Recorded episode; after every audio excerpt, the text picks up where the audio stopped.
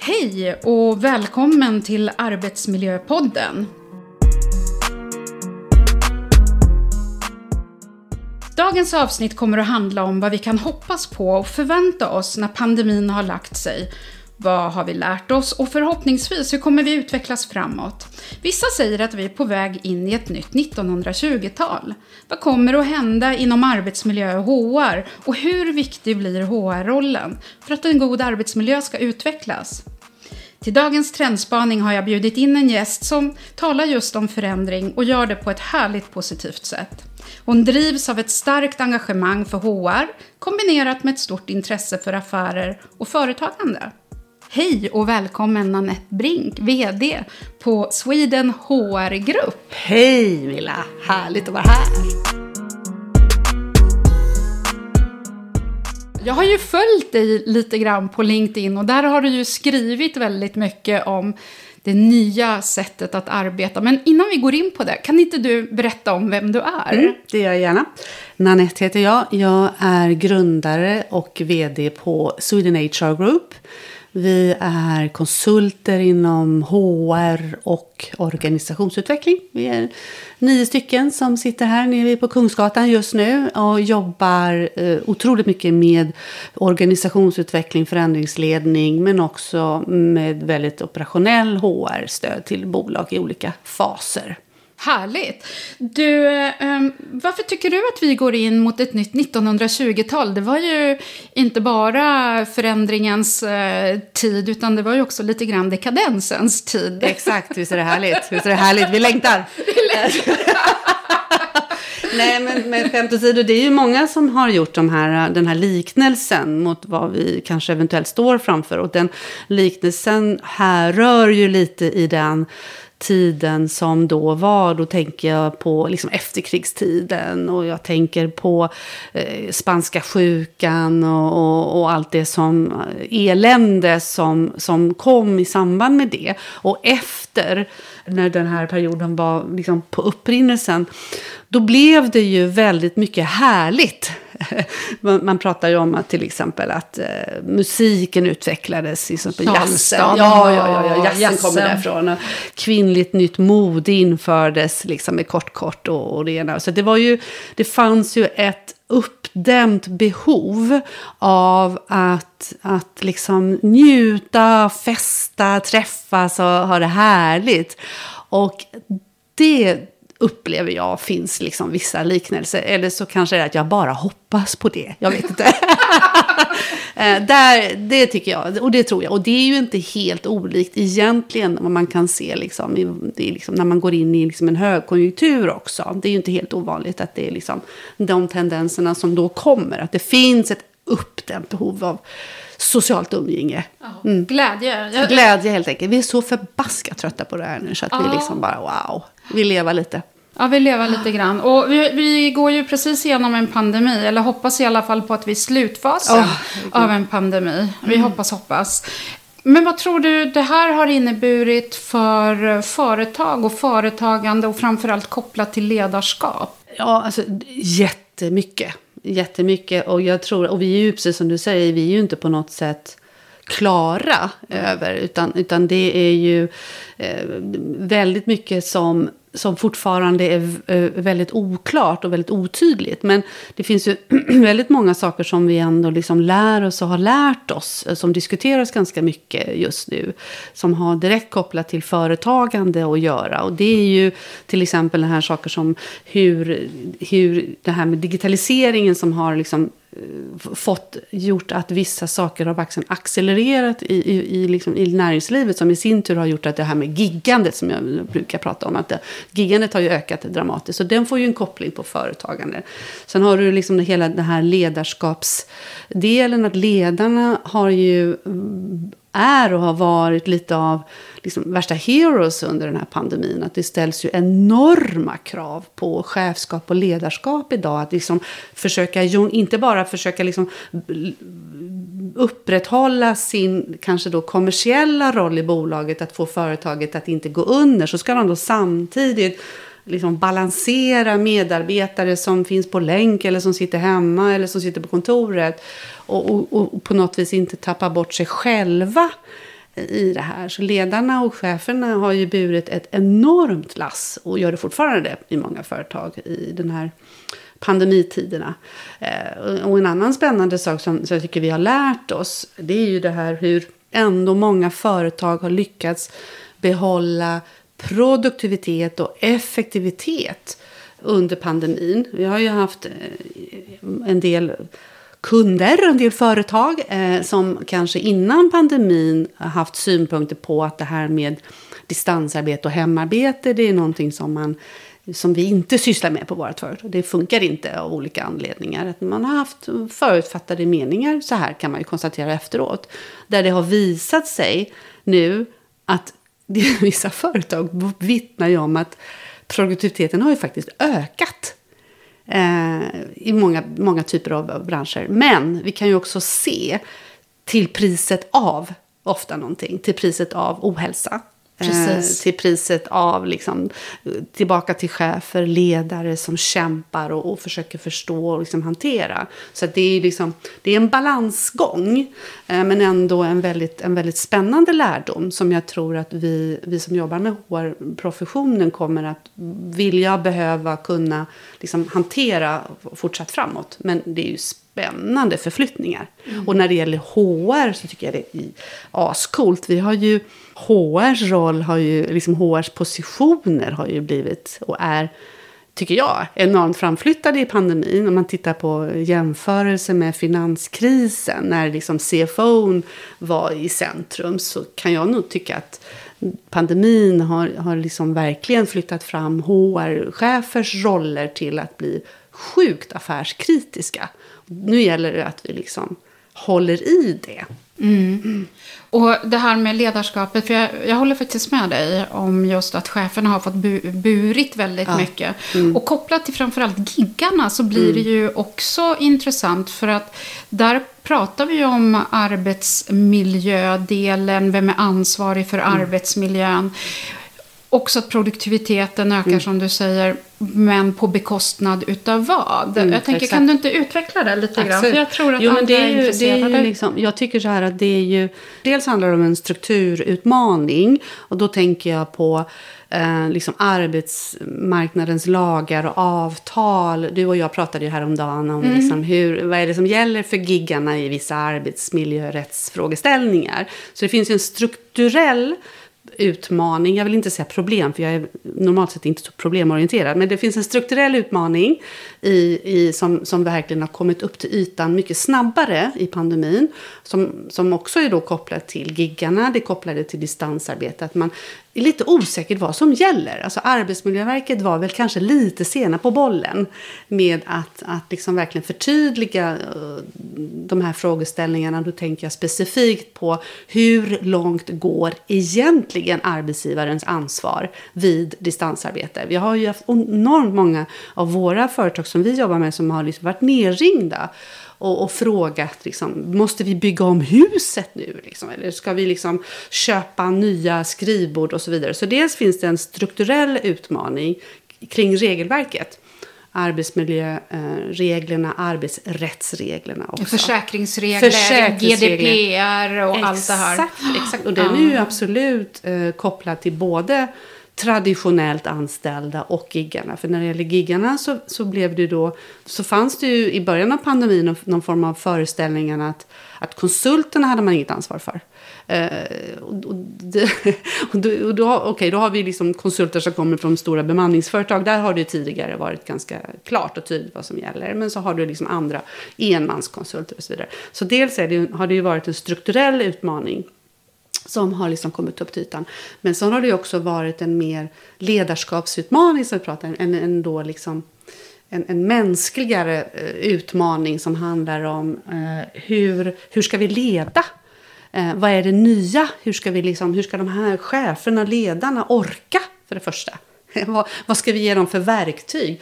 Vad, vad, vi hade ju börjat prata lite om, innan pandemin så var det ju eh, det här med självledarskap på tapeten. Vi, vi inom HR är ju väldigt duktiga på att Värdegrundsbaserat ja, ledarskap. Precis, precis. Ja, mm. Oftast är det ju, nu, nu, kan jag skratta om det för att jag själv tillhör ja. skråt, men ja. det är oftast en liksom ompaketering av, av nya, inga, inga nya fenomen, utan det är ompaketering. Men det var ju, så att säga, man pratade ju då om självledarskap och så vidare. Och sen så gick man över till att prata om distansledarskap.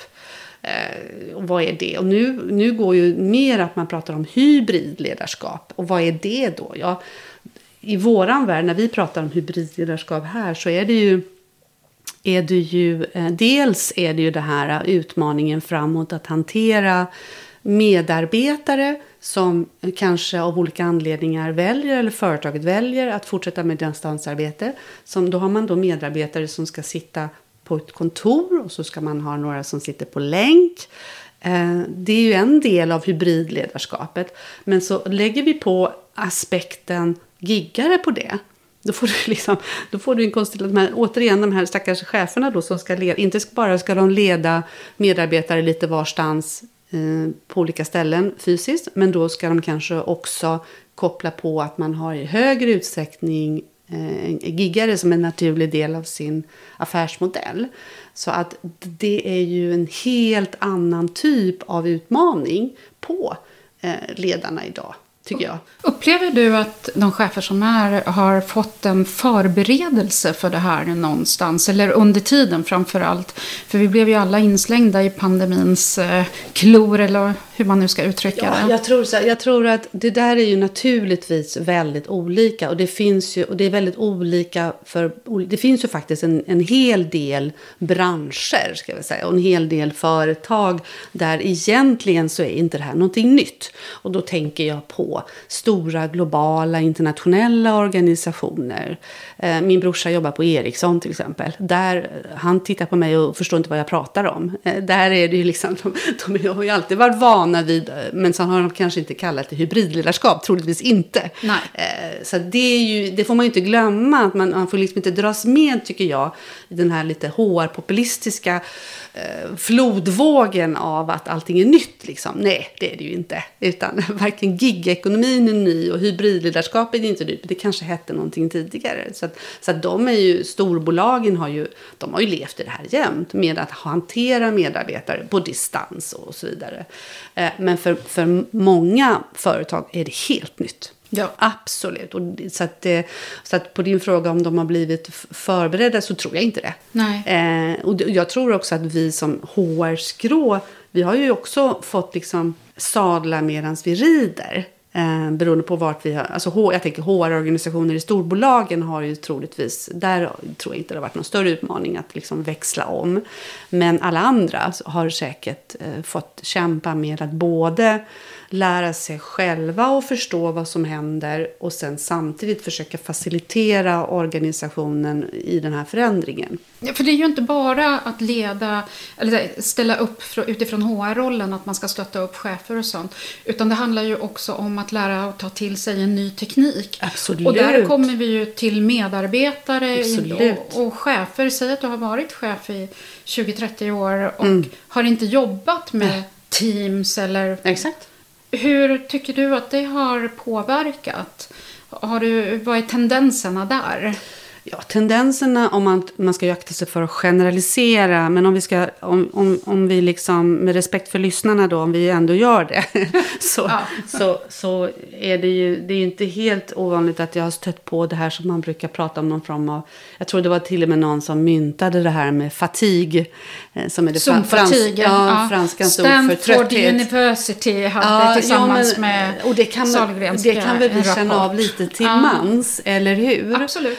Uh, det är ju, eh, så att i det stora hela så måste jag nog säga, det tog ju ett tag där i början, man har ju sett en massa roliga klipp som har figurerat i, i virala sammanhang. med, med så här, ah, hallå, hallå, jag ser inte, och den där berömda kattbilden Katten, där. den, var, den var ju helt underbar. Ja, ja. Eh, så det är klart att på, på många håll så är det väl fortsatt så. jag hade något sånt teamsmöte i morse eh, och då blev det liksom så här, hallå, hallå, hallå. Nej, men det får man väl ha respekt för. Och jag, jag är, tycker ju att alltså, det är ju en del, vi har ju tvingats bli eh, duktiga på det här. Och jag vill snarare liksom tycka att det är ju som, visst är, visst är människan fantastisk, så anpassningsbar. Eh, så att, eller hur? Vi har Definitivt. ju inte haft något val liksom. Men, men jag, har, jag har full respekt för mm. att inte alla har klarat det. Alltså Nej. det är en sak att man inte tycker att det är bra och kul och man blir trött. Men det finns ju säkert en del som faktiskt inte klarat av det. Som har mått väldigt dåligt av det. Alltså rent tekniskt. Mm. Man fattar inte hur man ska göra liksom. Nej. Det har jag respekt för. Eh, men, men i det stora hela så måste jag säga att det har ju blivit jättehäftigt. Och hur man, hur man nästan Eh, sådär, jag vet inte hur du känner, men ibland så känner jag så här att liksom, det är nästan lite retro att ringa någon så här analogt telefon. Jag tycker ju det är fantastiskt. Jag tillhör ju de Va? som gör det. Ringer du mig? Ja. Så här, ska, vi inte ha fot, ska vi inte ha bild? Ja, ja.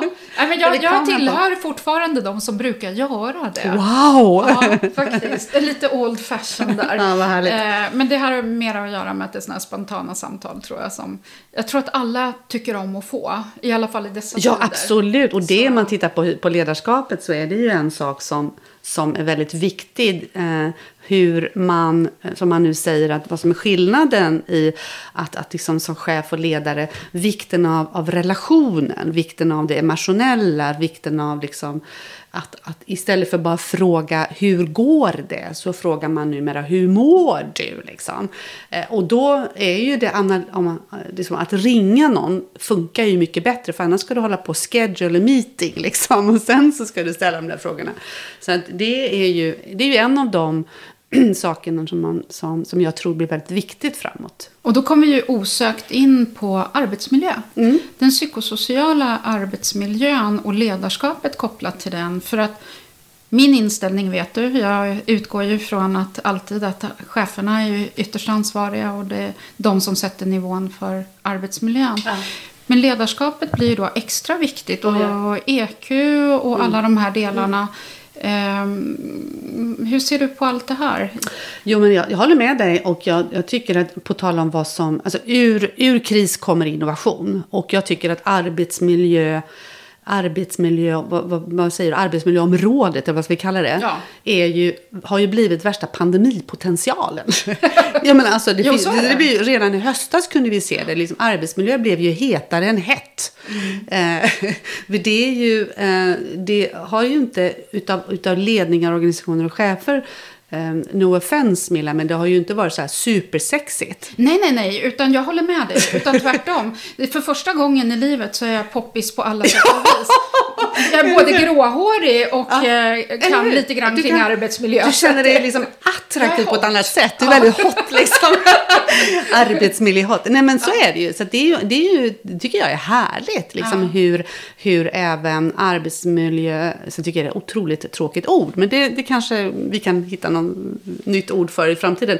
Ja. Men det har ju blivit högt på agendan i många företag och många, led, alltså många ledningar, vd och chefer har ju fått upp ögonen för det. Och då inte, alltså, och inte bara att det är någonting som man måste förhålla sig till utifrån någon afs eller något, någon paragraf. Eller det handlar ju om livet. Det handlar om livet, exakt. Och Så. det handlar om livet, det handlar om företagandet, det handlar om framgången, det handlar om människorna. Eh, så det måste jag säga, det har ju verkligen kommit upp på agendan. Så det, det tycker jag är jättehäftigt. Och då när vi pratar arbetsmiljö, som jag har sagt, det omfattar så otroligt mycket. I en HR-roll, vad kommer vara viktigt inför framtiden? Hur påverkas HR-rollen? För HR är ju så otroligt viktigt när det kommer till att stötta upp mm. sina chefer mm. och organisationen i stort. Mm. mm. För, för, vi pratade lite innan och då mm. sa ju du att HR-rollen har ju verkligen blivit framträdande ja. under ja. pandemitiden. Mm, det tycker jag. Det tycker jag. Och jag tycker att det är ju, det är ju eh, HR tycker jag generellt sett har ju en, en otroligt viktig roll i företaget att facilitera.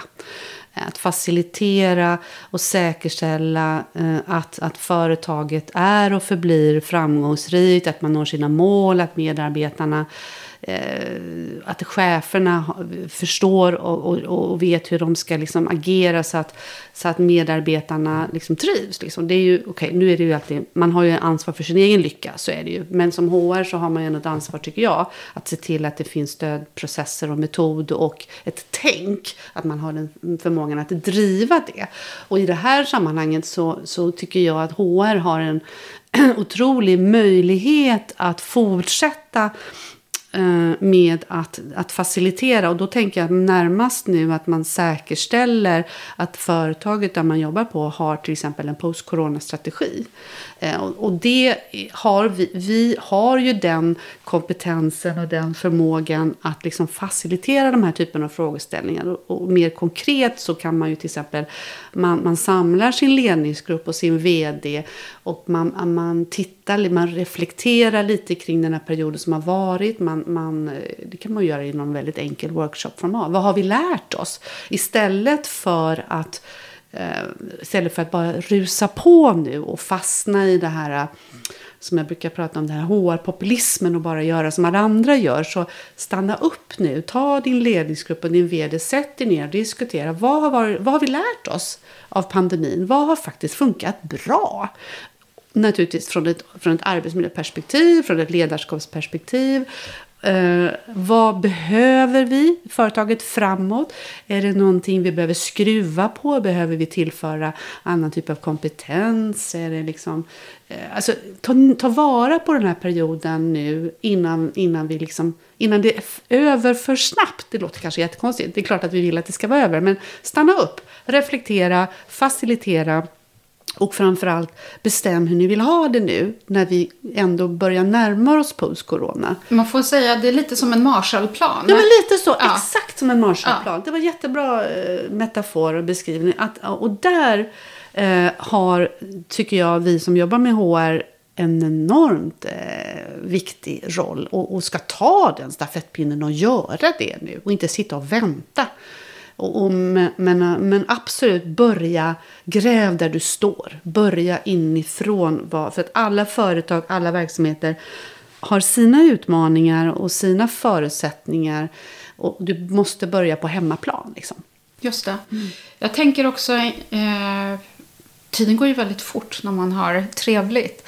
Men jag tycker ändå vi behöver beröra lite grann kring eh, rekrytering och sånt mm. också. Mm. För att det är nya mm. tider. Mm. Det är ett nytt sätt att arbeta mm. och det kommer nya krav från mm. medarbetare på sina chefer och på företagen. Jag tillhör ju nog dem då ändå som inte tror att det blir så dramatiskt annorlunda faktiskt. Eh, mot bakgrund av vad vi precis har pratat om. Men en sak är jag ju tämligen säker på. Det kommer bli en, en, en stor rörlighet i post-corona. Jag tror att vi kommer att se, som vi, som vi ofta ser i olika, så när det är högkonjunktur, vilket vi kommer att se effekten av tror jag. Eh, det ser man ju om inte annat på, på börsen som inte ens en gång verkar bry sig att vi har regeringskris i Sverige. Nej, den... ja det är bara det är ju rätt festligt. Ja. Men eh, så att från ett rekryteringsperspektiv så tror jag det kommer bli, det kommer bli rekryterarnas marknad eh, i höst. Att det kommer bli en rörlighet på arbetsmarknaden och man kommer att lyfta.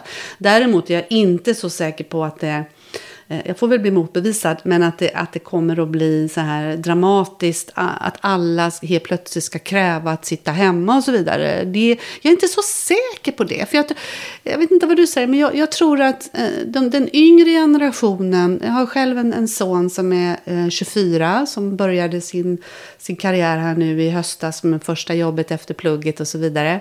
Och han vill inte alls sitta hemma. Nej, de vill sitta. Det är Nej, samma sak. Jag har också en son. Ja, på jobbet. Exakt. För de, den generationen går ju till jobbet för att skaffa polare. Ja. Och, liksom, och han sitter i en etta i Sumpan. Han har ingen möjlighet att bygga något kontor och så vidare. Så man, ska, man ska vara lite försiktig och tro att liksom alla vill nu sitta hemma. Nej, men alltså, det kommer att vara kanske en kombo. Så det, tillbaka till den här post-corona-strategin.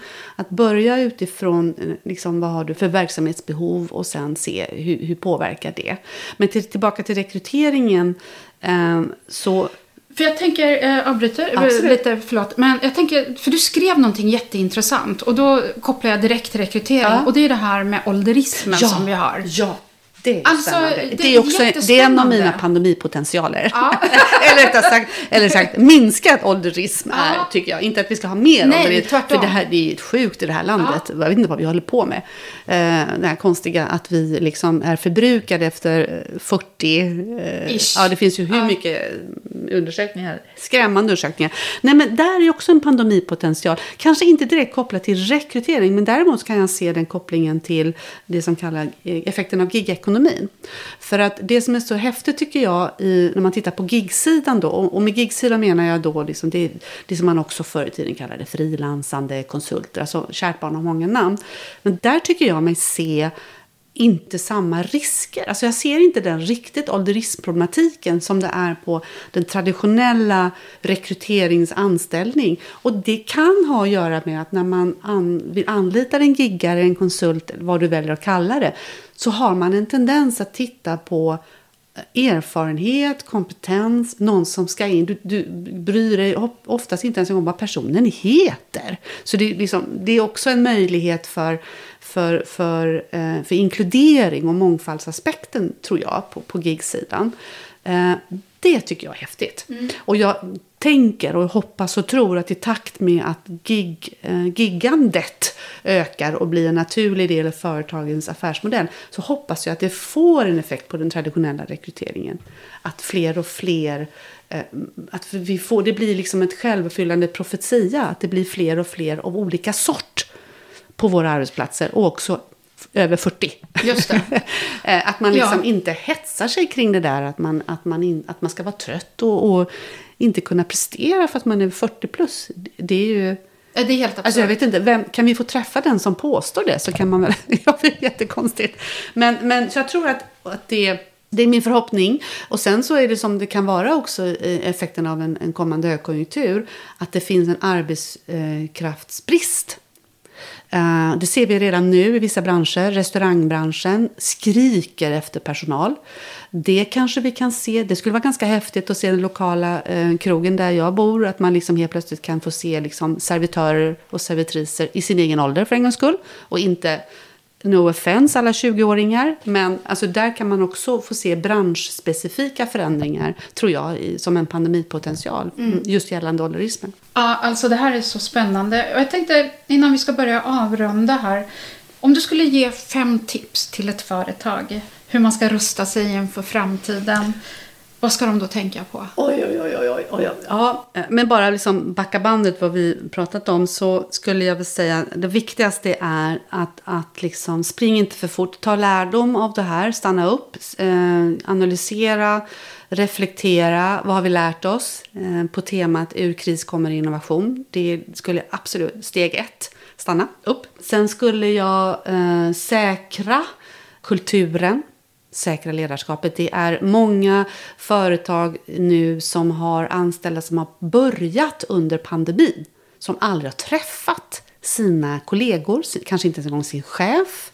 Och jag tror att relationer blir, tror jag, blir ännu mer viktigare framåt. Och jag tror att relationer kan man vidmakthålla genom det digitala. Men jag tror att det är ganska svårt att upprätta nya relationer digitalt. Så här finns ett uppdämt behov. Säkra kulturen, säkra ledarskapet. Nu är vi på tre va? Och när det gäller ledarskapet så det här som vi pratar om. Se till, se cheferna som heroes. Ge dem vad de behöver så att de, liksom, de är trötta. eh, nummer fyra. Då är vi inne på post-corona-strategi och då handlar det om att dels utforma en arbetsplatsstrategi. Hur ska vår arbetsplats vara utformad och varför? Och nummer fem, eh, också det här som jag sa, som att en strategi för det är en eh, strategi av distansarbete. Och då menar jag att inte bara hur arbetsplatsen ska vara utformad och vilka som ska vara var, men också ha lite längre tankar. För vi får väldigt många som ställer frågor nu kring vad är det som gäller om min medarbetare vill flytta till Spanien. Eller min medarbetare vill flytta upp till Åre. Och, så det behöver vi ha klart för oss och tänka igenom. Eh, använda sommaren till det i hängmattan. Blev det fem? Ja, Ja, vad bra. och då, då kommer du ju in osökt på området hängmatta. Och det här är ju också eh, Ja, Arbetsmiljöpodden ska ju också ta lite semester. Ah, vad härligt. Så eh, det var så härligt att få ha dig här som gäst. Tack snälla Tack du. för att jag får vara med. Och eh, jag hoppas också att eh, vi får all anledning att återkomma. Vi tar en uppföljning. Ja, ja, ja, ja, vi sitter ju bara och tittar i Ja, kristallkulan men just du och jag. precis. Tänk vad vi- jobbigt om vi lyssnar på det här ett år och sen så helt fel. Ja, eh, och vi ska ju få lite nya arbetsrättsliga regler och sånt. Så det finns Ja, det ser all vi fram emot. anledning Ja, att återkomma det ser vi fram emot. till det här. Och så tackar jag alla er som har lyssnat på Arbetsmiljöpodden och önskar er en riktigt skön och härlig sommar. Och det här avsnittet gör vi naturligtvis tillsammans med våra samarbetspartners Stockholm Academy och Helst Kommunikation. Tack snälla ni och glad sommar! Glad sommar, hej då!